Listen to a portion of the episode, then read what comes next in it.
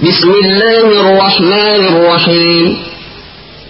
قد أفلح المؤمنون الذين هم في صلاتهم خاشعون والذين هم عن اللغو معرضون والذين هم للزكاة فاعلون والذين هم لفروجهم حافظون إلا على أزواجهم أو ما ملكت أيمانهم فإنهم غير ملومين فمن ابتغى وراء ذلك فأولئك هم العادون والذين هم لأماناتهم وعهدهم راعون والذين هم على صلواتهم يحافظون أولئك هم الوارثون الذين يرثون الفردوس هم فيها خالدون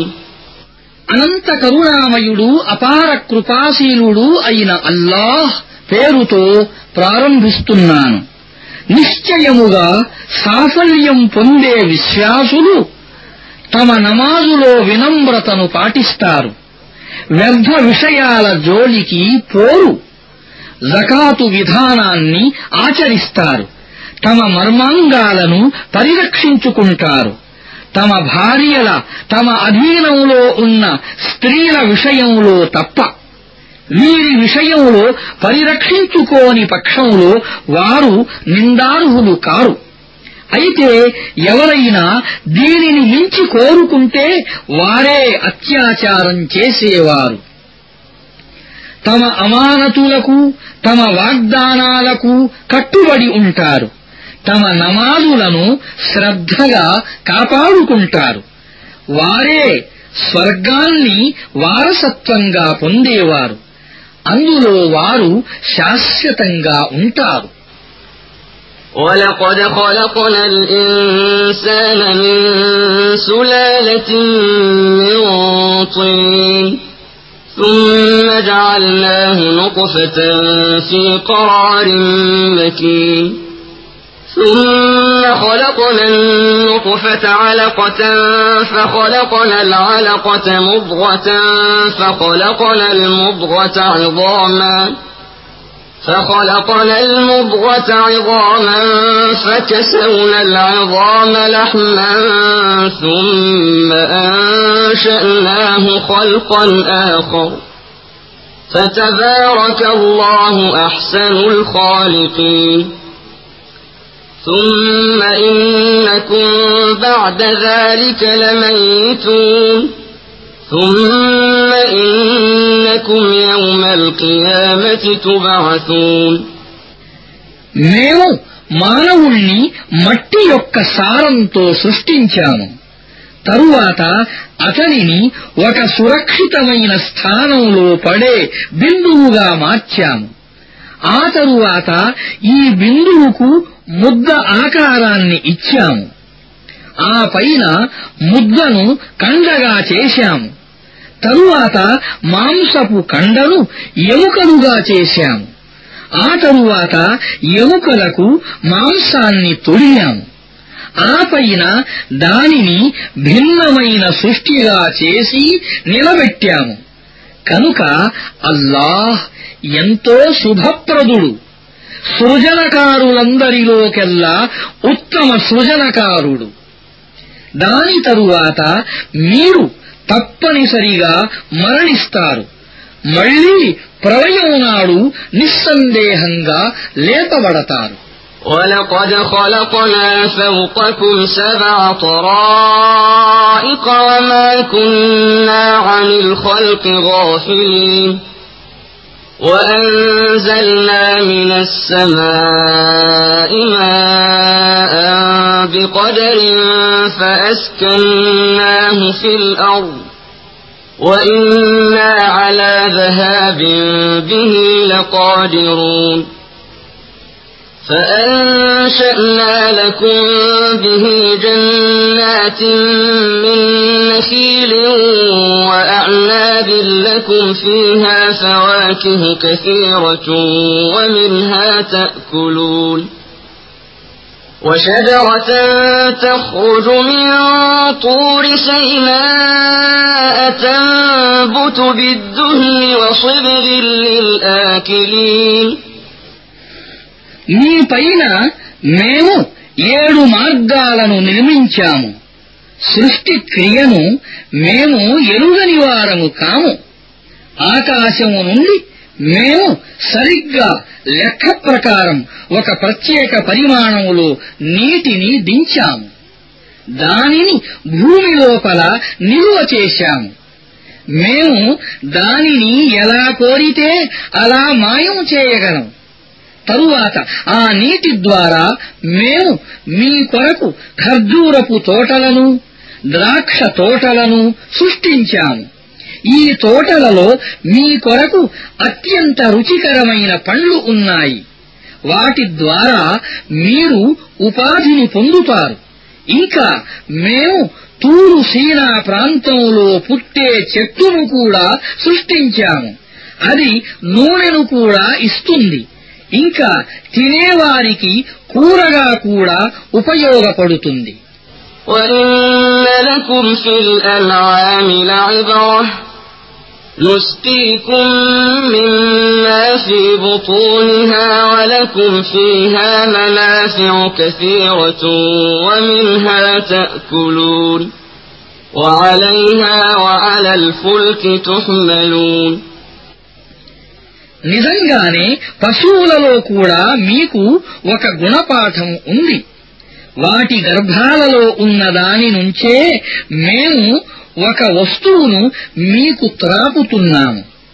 మీకు వాటిలో ఇంకా ఎన్నో ఇతర లాభాలు కూడా ఉన్నాయి. వాటిని మీరు తింటారు. వాటిపైన పడవలలోనూ ఎక్కుతారు కూడా. ولقد أرسلنا نوحا إلى قومه فقال يا قوم اعبدوا الله ما لكم من إله غيره أفلا تتقون فقال الملأ الذين كفروا من قومه ما هذا إلا بشر مثلكم يريد أن يتفضل عليكم ۖ يريد أن يتفضل عليكم ولو شاء الله لأنزل ملائكة ما سمعنا بهذا في آبائنا الأولين. إن هو إلا رجل به جنة فتربصوا به حتى حين قال رب انصرني بما كذبون فأوحينا إليه أن اصنع الفلك بأعيننا ووحينا فإذا جاء أمرنا وفاردت النور فاسلك فيها من كل زوجين اثنين وأهلك إلا من سبق عليه القول منهم ولا تخاطبني في الذين ظلموا إنهم مغرقون.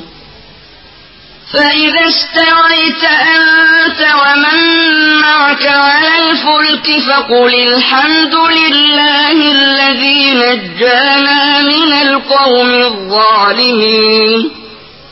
وقل رب أنزلني منزلا مباركا وأنت خير المنزلين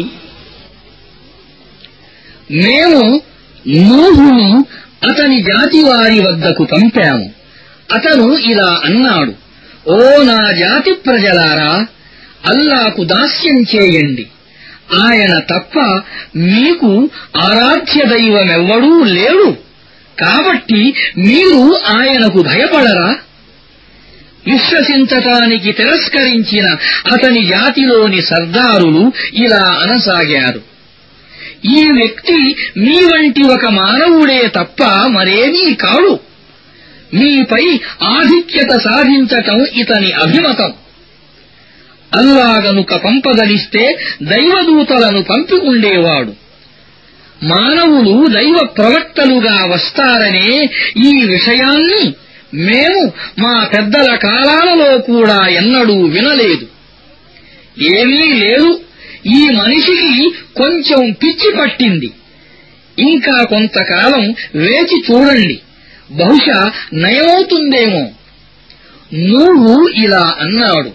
ప్రభూ ఈ ప్రజలు నన్ను నిరాకరించారు.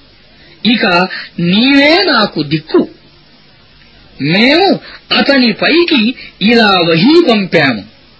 మా పర్యవేక్షణలో మా వహీ ప్రకారం ఒక నావను తయారు చెయ్యి.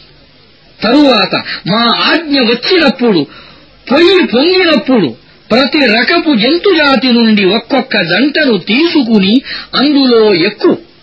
నీ కుటుంబ సభ్యులను కూడా వెంట తీసుకునిపో ఎవరికి వ్యతిరేకంగానైతే ఇదివరకే నిర్ణయం జరిగినదో వారిని తప్ప. దుర్మార్గుల విషయంలో నాతో ఏమీ చెప్పవద్దు. ఇక వారు మునిగిపోయేవారే. తరువాత నీవు నీ సహచరులతో పాటు నావపైకి ఎక్కినప్పుడు దుర్మార్గుల నుండి మాకు విమోచనం కలిగించిన దేవునికి కృతజ్ఞతలు అని అను. ఇంకా స్వామీ నన్ను శుభప్రదమైన స్థలములో దించు నీవు స్థలం ఇచ్చేవారిలో ఉత్తముడవు అని పలుకు إن في ذلك لآيات وإن كنا لمبتلين ఈ గాథలో గొప్ప సూచనలు ఉన్నాయి మేము ప్రజలను తప్పకుండా పరీక్షకు గురి చేస్తాము ثم أنشأنا من بعدهم قرنا آخرين. فأرسلنا فيهم رسولا منهم أن اعبدوا الله ما لكم من إله غيره أفلا تتقون.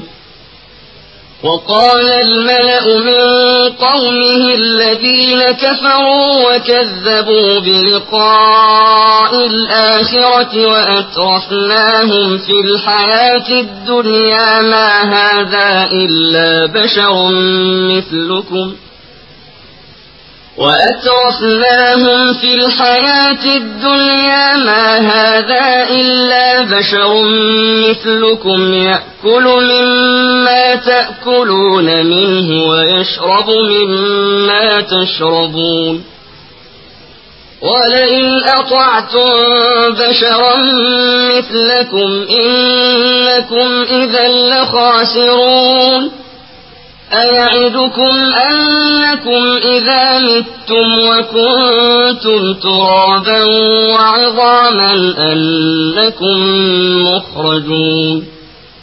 هيهات هيهات لما توعدون؟ إن هي إلا حياتنا الدنيا نموت ونحيا وما نحن بمبعوثين. إن هو إلا رجل افترى على الله كذبا وما نحن له بمؤمنين.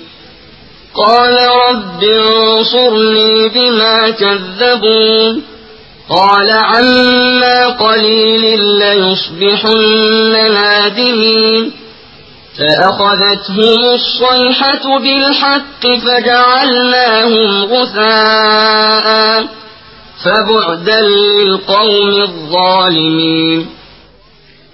వారి తరువాత మేము మరొక తరం వారిని లేపాము. వారి వద్దకు వారి జాతికే చెందిన ఒక ప్రవక్తను పంపాము. అతను వారికి ఇలా సందేశమిచ్చాడు. అల్లాకు దాస్యం చెయ్యండి. మీకు ఆయన తప్ప మరొక ఆరాధ్యుడెవ్వడూ లేడు. మీరు ఆయనకు భయపడరా?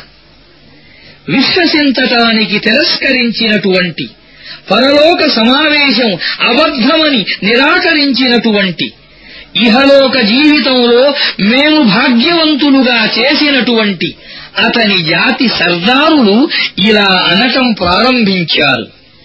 ఈ వ్యక్తి ఏమీ కాడు. మీ వంటి ఒక మానవుడు తప్ప. మీరు తినేదాన్నే ఇతడు తింటాడు. మీరు త్రాగేదాన్నే ఇతడు త్రాగుతాడు. ఇప్పుడు మీరు గనక మీ వంటి వాడే అయిన ఒక మానవుడికి విధేయతను చూపినట్లయితే మీరు నష్టానికే గురి అవుతారు. ఇతను మీకు తెలియజేసేదేమిటంటే మీరు మరణించి మట్టిగా మారిపోయిన తరువాత ఎముకల గూడుగా అయిపోయిన తరువాత మీరు గోరీల నుండి బయటికి తీయబడతారట. అసంభవం. మీకు చేయబడే ఈ వాగ్దానం అసంభవం. ఇహలోక జీవితం తప్ప మరొక జీవితం లేనే లేదు. మనం ఇక్కడే జీవిస్తాము ఇక్కడే మరణిస్తాము. మనం ఎంతమాత్రం తిరిగి లేవబడము. ఈ వ్యక్తి దేవుని పేరుతో కేవలం అబద్ధాలు కల్పిస్తున్నాడు. మేము అతను చెప్పేదానిని ఎన్నటికీ విశ్వసించం.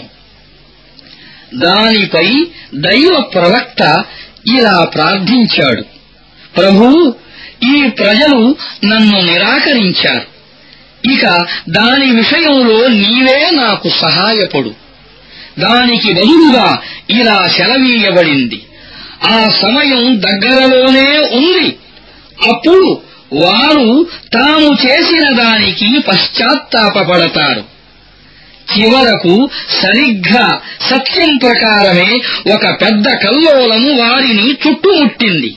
దుష్టులారా దూరంగా పొండి అని మేము వారిని కసువులాగా ఊడ్చిపారేశాము.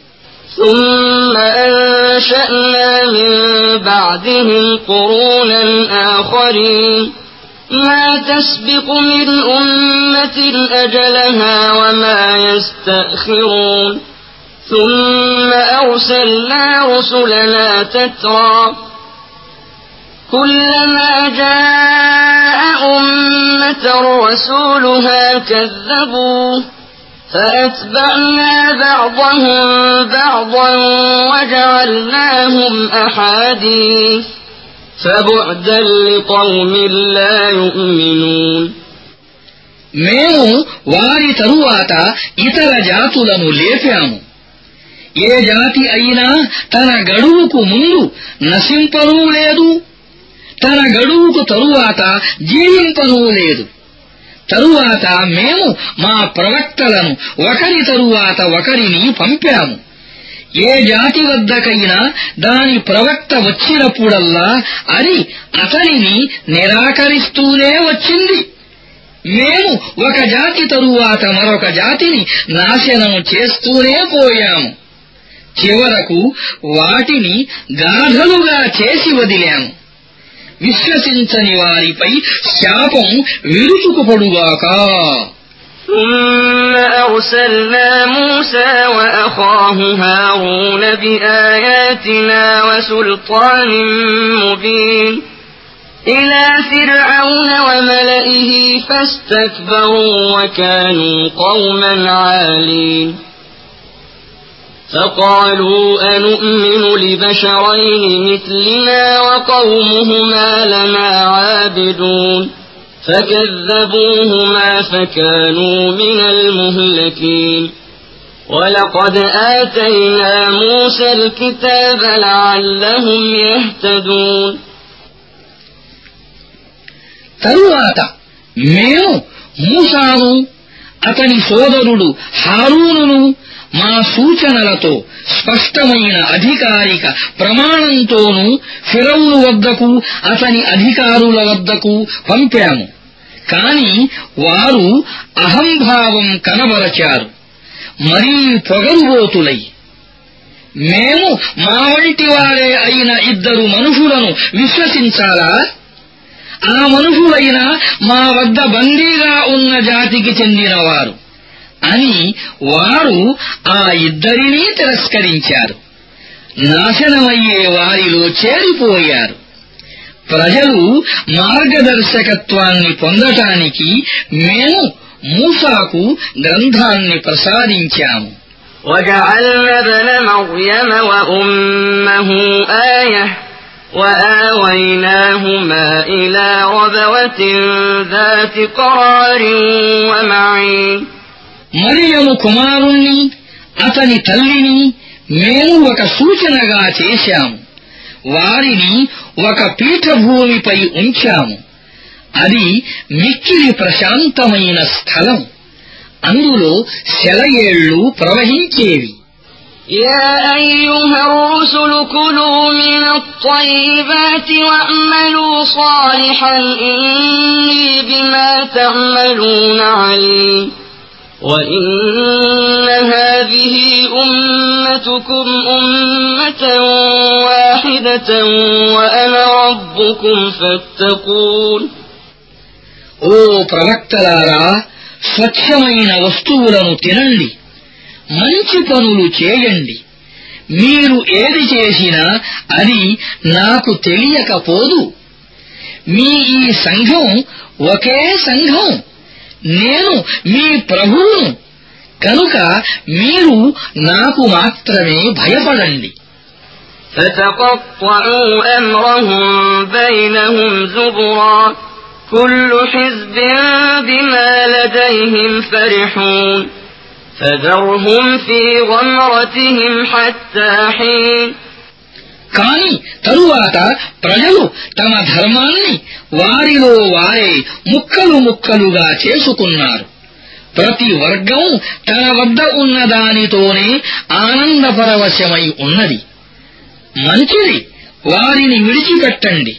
ఒక ప్రత్యేక కాలం వరకు తమ అజాగ్రత్తలోనే మునిగి ఉండనివ్వండి. أيحسبون أن ما نمدهم به من مال وبنين نسارع لهم في الخيرات بل لا يشعرون إن الذين هم من خشية ربهم مشفقون والذين هم بآيات ربهم يؤمنون والذين هم بربهم لا يشركون والذين يؤتون ما آتوا وقلوبهم وجلة أنهم إلى ربهم راجعون أولئك يسارعون في الخيرات وهم لها سابقون వారికి సంపదలు సంతానము ప్రసాదించి సహాయపడుతూ ఉన్నాము అంటే వారికి మేలు చేయటంలో మేమే తొందరపడుతున్నామని వారు అనుకుంటున్నారా? లేదు. అసలు విషయమేమిటో వారికి తెలియదు. యథార్థానికి ఎవరు తమ ప్రభువు భయం వల్ల భయపడుతూ ఉంటారో ఎవరు తమ ప్రభువు వాక్యాలను విశ్వసిస్తారో ఎవరు తమ ప్రభువునకు ఇతరులను భాగస్వాములుగా చేయరో?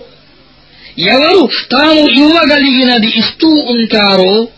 కాని వారి హృదయాలు తమ ప్రభువు వైపునకు మరలిపోవలసి ఉన్నది అనే భావన వల్ల వణుకుతూ ఉంటాయో?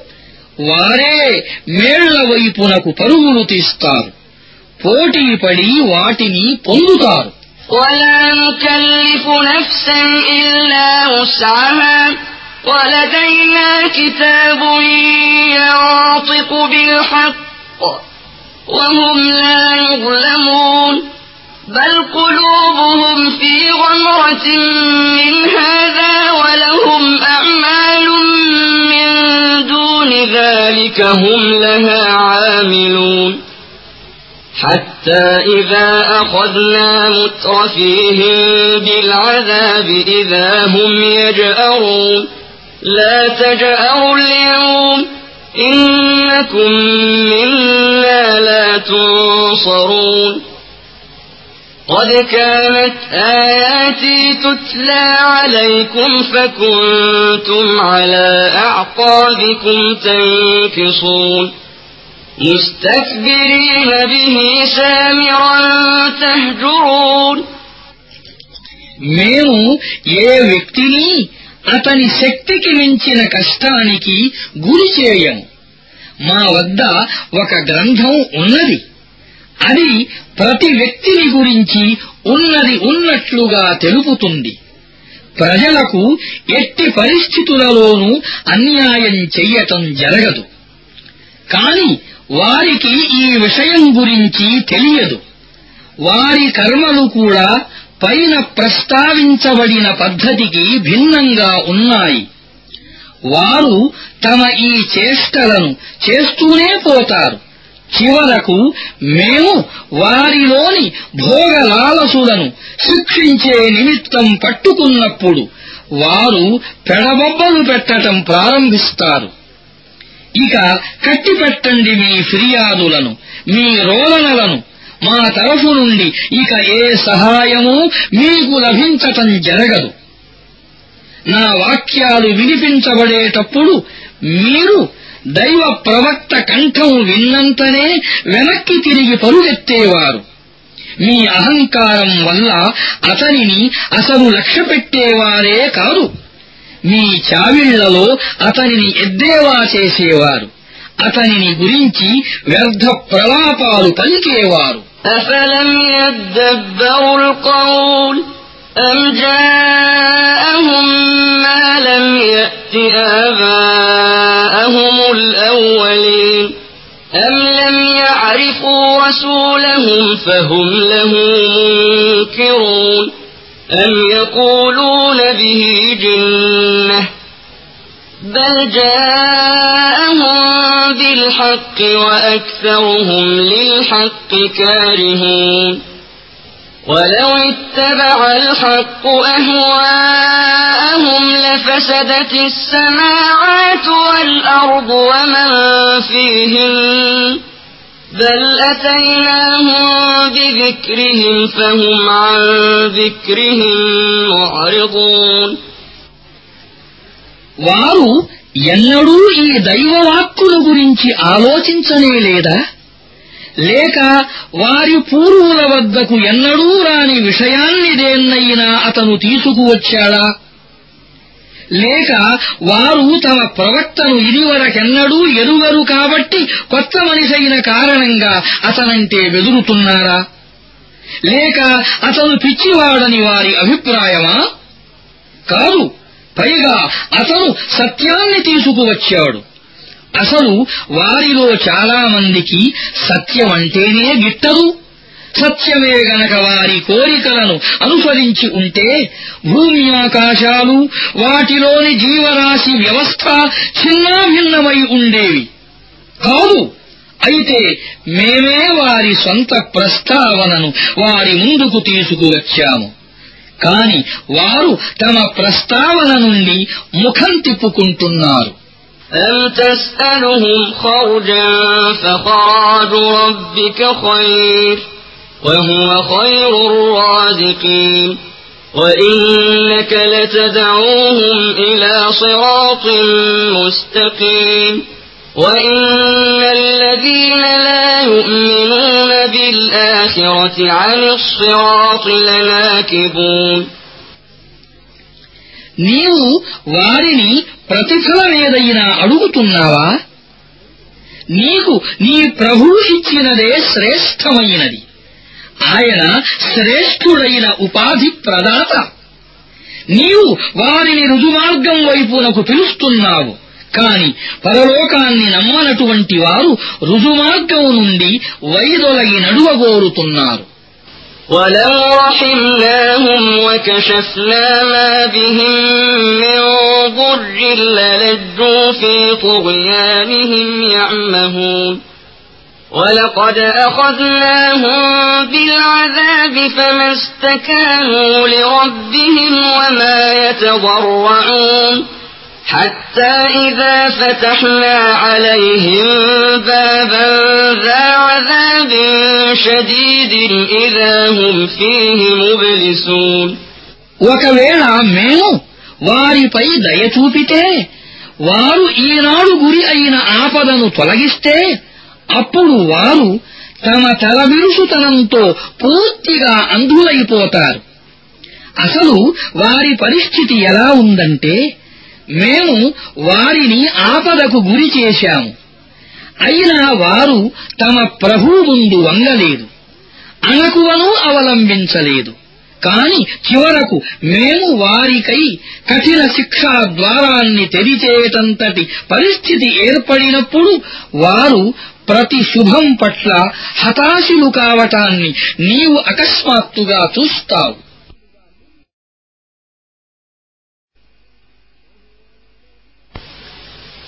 وهو الذي أنشأ لكم السمع والأبصار والأفئدة قليلا ما تشكرون وهو الذي ذرأكم في الأرض وإليه تحشرون وهو الذي يحيي ويميت وله اختلاف الليل والنهار. أفلا تعقلون؟ بل قالوا مثل ما قال الأولون.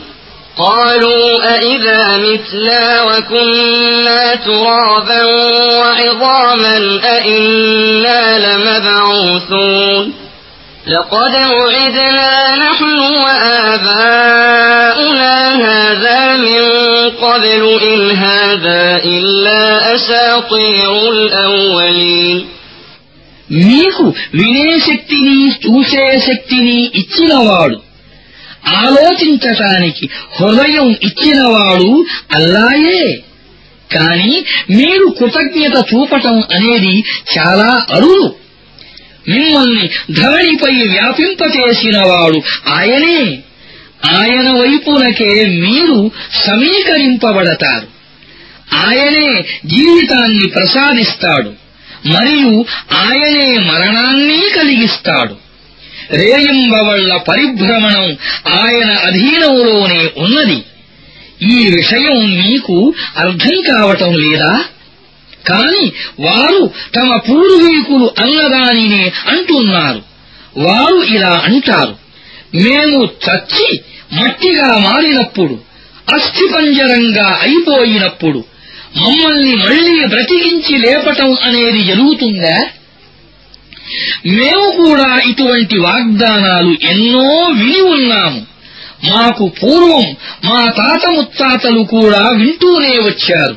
ఇవి కేవలం పాతకాలపు కట్టుకథలే قل لمن الأرض ومن فيها إن كنتم تعلمون سيقولون لله قل أفلا تذكرون قل من رب السماوات السبع ورب العرش العظيم سيقولون لله قل أفلا تتقون వారిని ఇలా అడుగు మీకు తెలిస్తే చెప్పండి ఈ భూమి దానిలోని ప్రాణులన్నీ ఎవరివో వారు తప్పకుండా అల్లాకు చెందుతాయి అని అంటారు అలాంటప్పుడు మీరు ఈ విషయాన్ని ఎందుకు అర్థం చేసుకోరు అని అను వారిని ఇంకా ఇలా అడుగు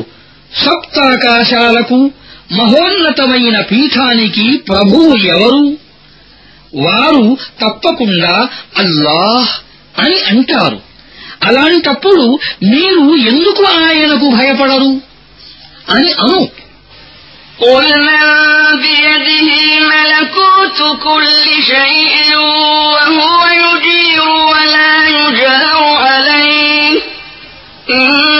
كنتم تعلمون سيقولون لله قل فأنا تسحرون بل أتيناهم بالحق وإنهم لكاذبون. ما اتخذ الله من ولد وما كان معه من إله.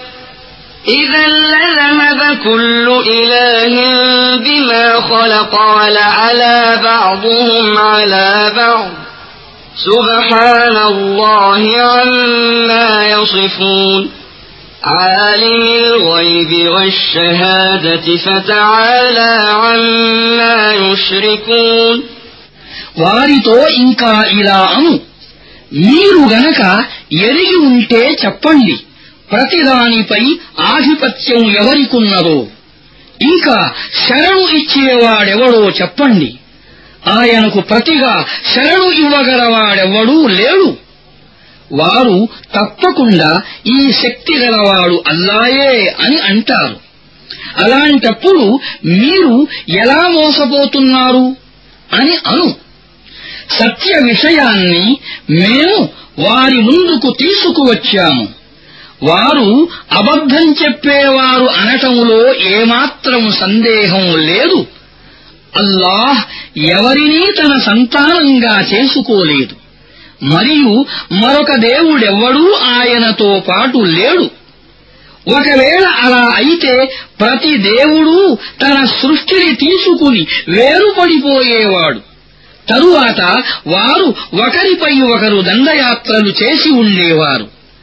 వారు కల్పించే విషయాలు ఏమాత్రం వర్తించని పరిశుద్ధుడు అల్లాహ్ గోప్యంగా ఉన్నదానిని బహిరంగంగా ఉన్నదానిని ఎరిగినవాడు దైవత్వములో వారు ప్రతిపాదించే భాగస్వామ్యానికి ఆయన అతీతుడు قل رب إما تريني ما يوعدون رب فلا تجعلني في القوم الظالمين وإنا على أن نريك ما نعدهم لقادرون ఓ ప్రవక్త ఇలా ప్రార్థించు ప్రభు ఏ శిక్షను గురించి వారిని బెదిరించటం జరుగుతోందో దానిని నేను ఉన్నప్పుడే నీవు అమలుపరచినట్లయితే నా ప్రభు నన్ను ఈ దుర్మార్గులలో చేర్చకు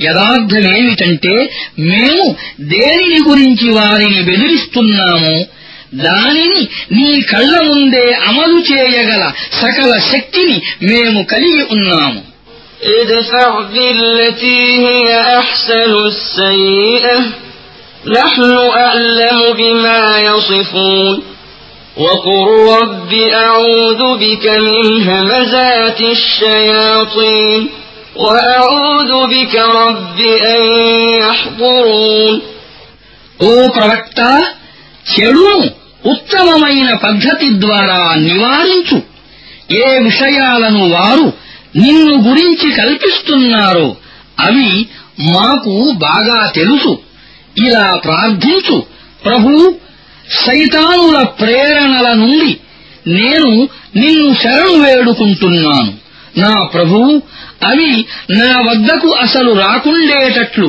నిన్ను శరణు వేడుకుంటున్నాను حتى إذا جاء أحدهم الموت قال رب ارجعون لعلي أعمل صالحا فيما تركت كلا إنها كلمة هو قائلها ومن ورائهم برزخ إلى يوم يبعثون فإذا نفخ في الصور فلا أنساب بينهم يومئذ ولا يتساءلون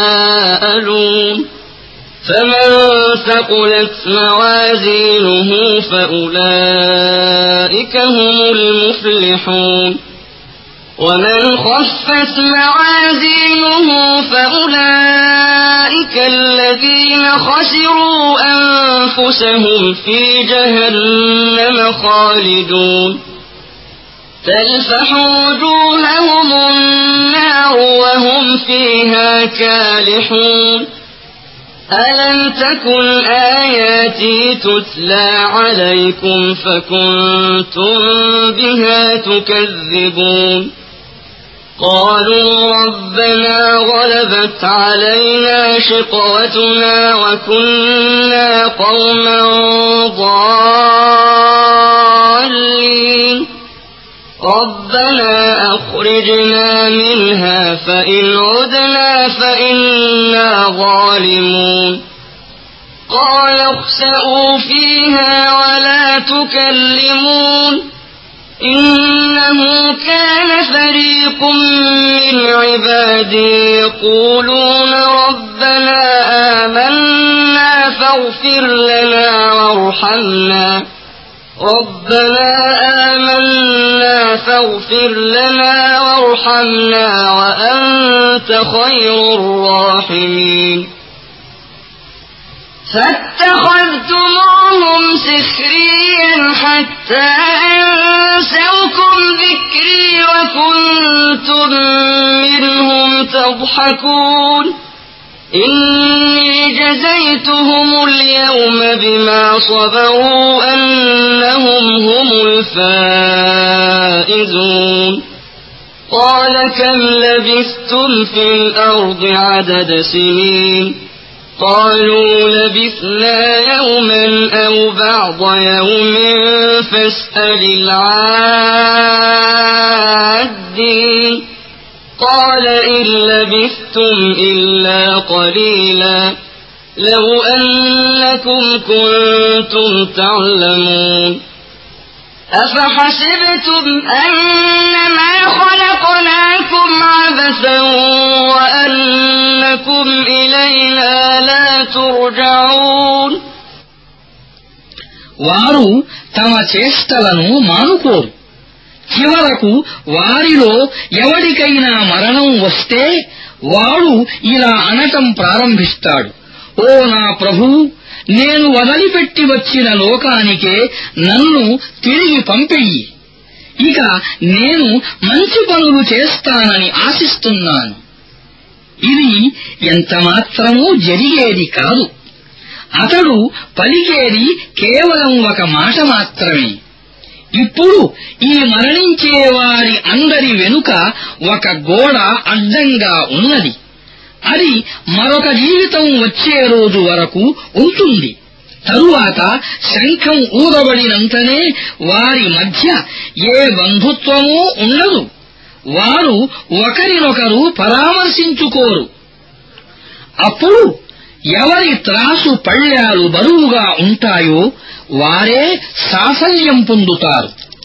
ఎవరి త్రాసు పళ్ళ్యాలు తేలికగా ఉంటాయో వారే తమను తాము నష్టానికి గురి చేసుకునేవారు. వారు నరకములో శాశ్వతంగా ఉంటారు. అగ్ని వారి ముఖాల చర్మాన్ని తినివేస్తుంది. వారి దవడలు బయటపడతాయి. నా వాక్యాలు మీకు వినిపించబడేటప్పుడు వాటిని నిరాకరించిన వారు మీరే కదా? వారు ఇలా అంటారు ఓ మా ప్రభూ మా దౌర్భాగ్యం మమ్మల్ని కప్పేసింది. నిజంగానే మేము మార్గం తప్పిన వారము. ఓ స్వామి ఇక మమ్మల్ని ఇక్కడి నుంచి బయటకు తీయి. తరువాత మేము అటువంటి పాపాలు చేస్తే దుర్మార్గులమవుతాము. అల్లాహ్ దానికి ఇలా సమాధానం పలుకుతాడు నా ముందు నుంచి వెళ్ళిపోండి. ఇందులోనే పడి ఉండండి. నాతో మాట్లాడకండి.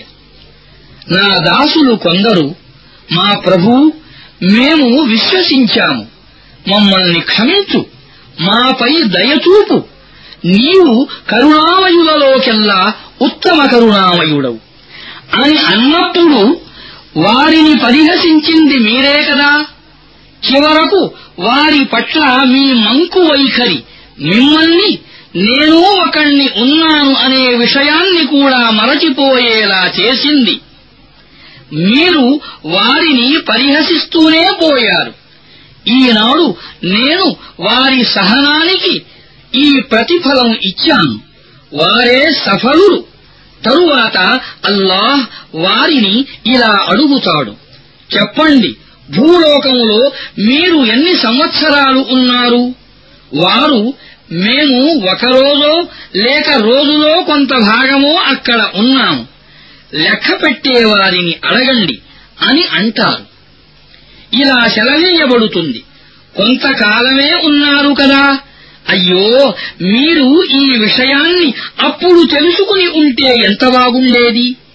మేము మిమ్మల్ని వృధాగానే పుట్టించామని మా వైపునకు మీరు ఎన్నడూ మరలి రావటమనేది జరగదని భావించారా فتعالى الله الملك الحق لا إله إلا هو رب العرش الكريم ومن يدع مع الله إلها آخر لا برهان له به فإنما حسابه عند ربه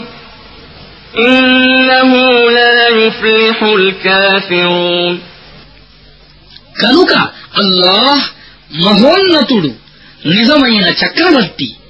ఆయన తప్ప మరొక దేవుడు లేనే లేడు. గౌరవ పీఠానికి స్వామి. ఎవడైనా అల్లాతో పాటు మరొక ఆరాధ్యుణ్ణి వేడుకుంటే దానికి అతని వద్ద ఏ ప్రమాణమూ లేదు. అతని లెక్క అతని ప్రభువు వద్ద ఉన్నది. అటువంటి అవిశ్వాసులు ఎన్నటికీ సాఫల్యం పొందలేరు وقل رب اغفر وارحم وأنت خير الراحمين ఓ ప్రవక్త ఇలా అను నా ప్రభు మన్నించు కరుణించు కరుణామయులందరిలోకెల్లా నీవు ఉత్తమ కరుణామయుడవు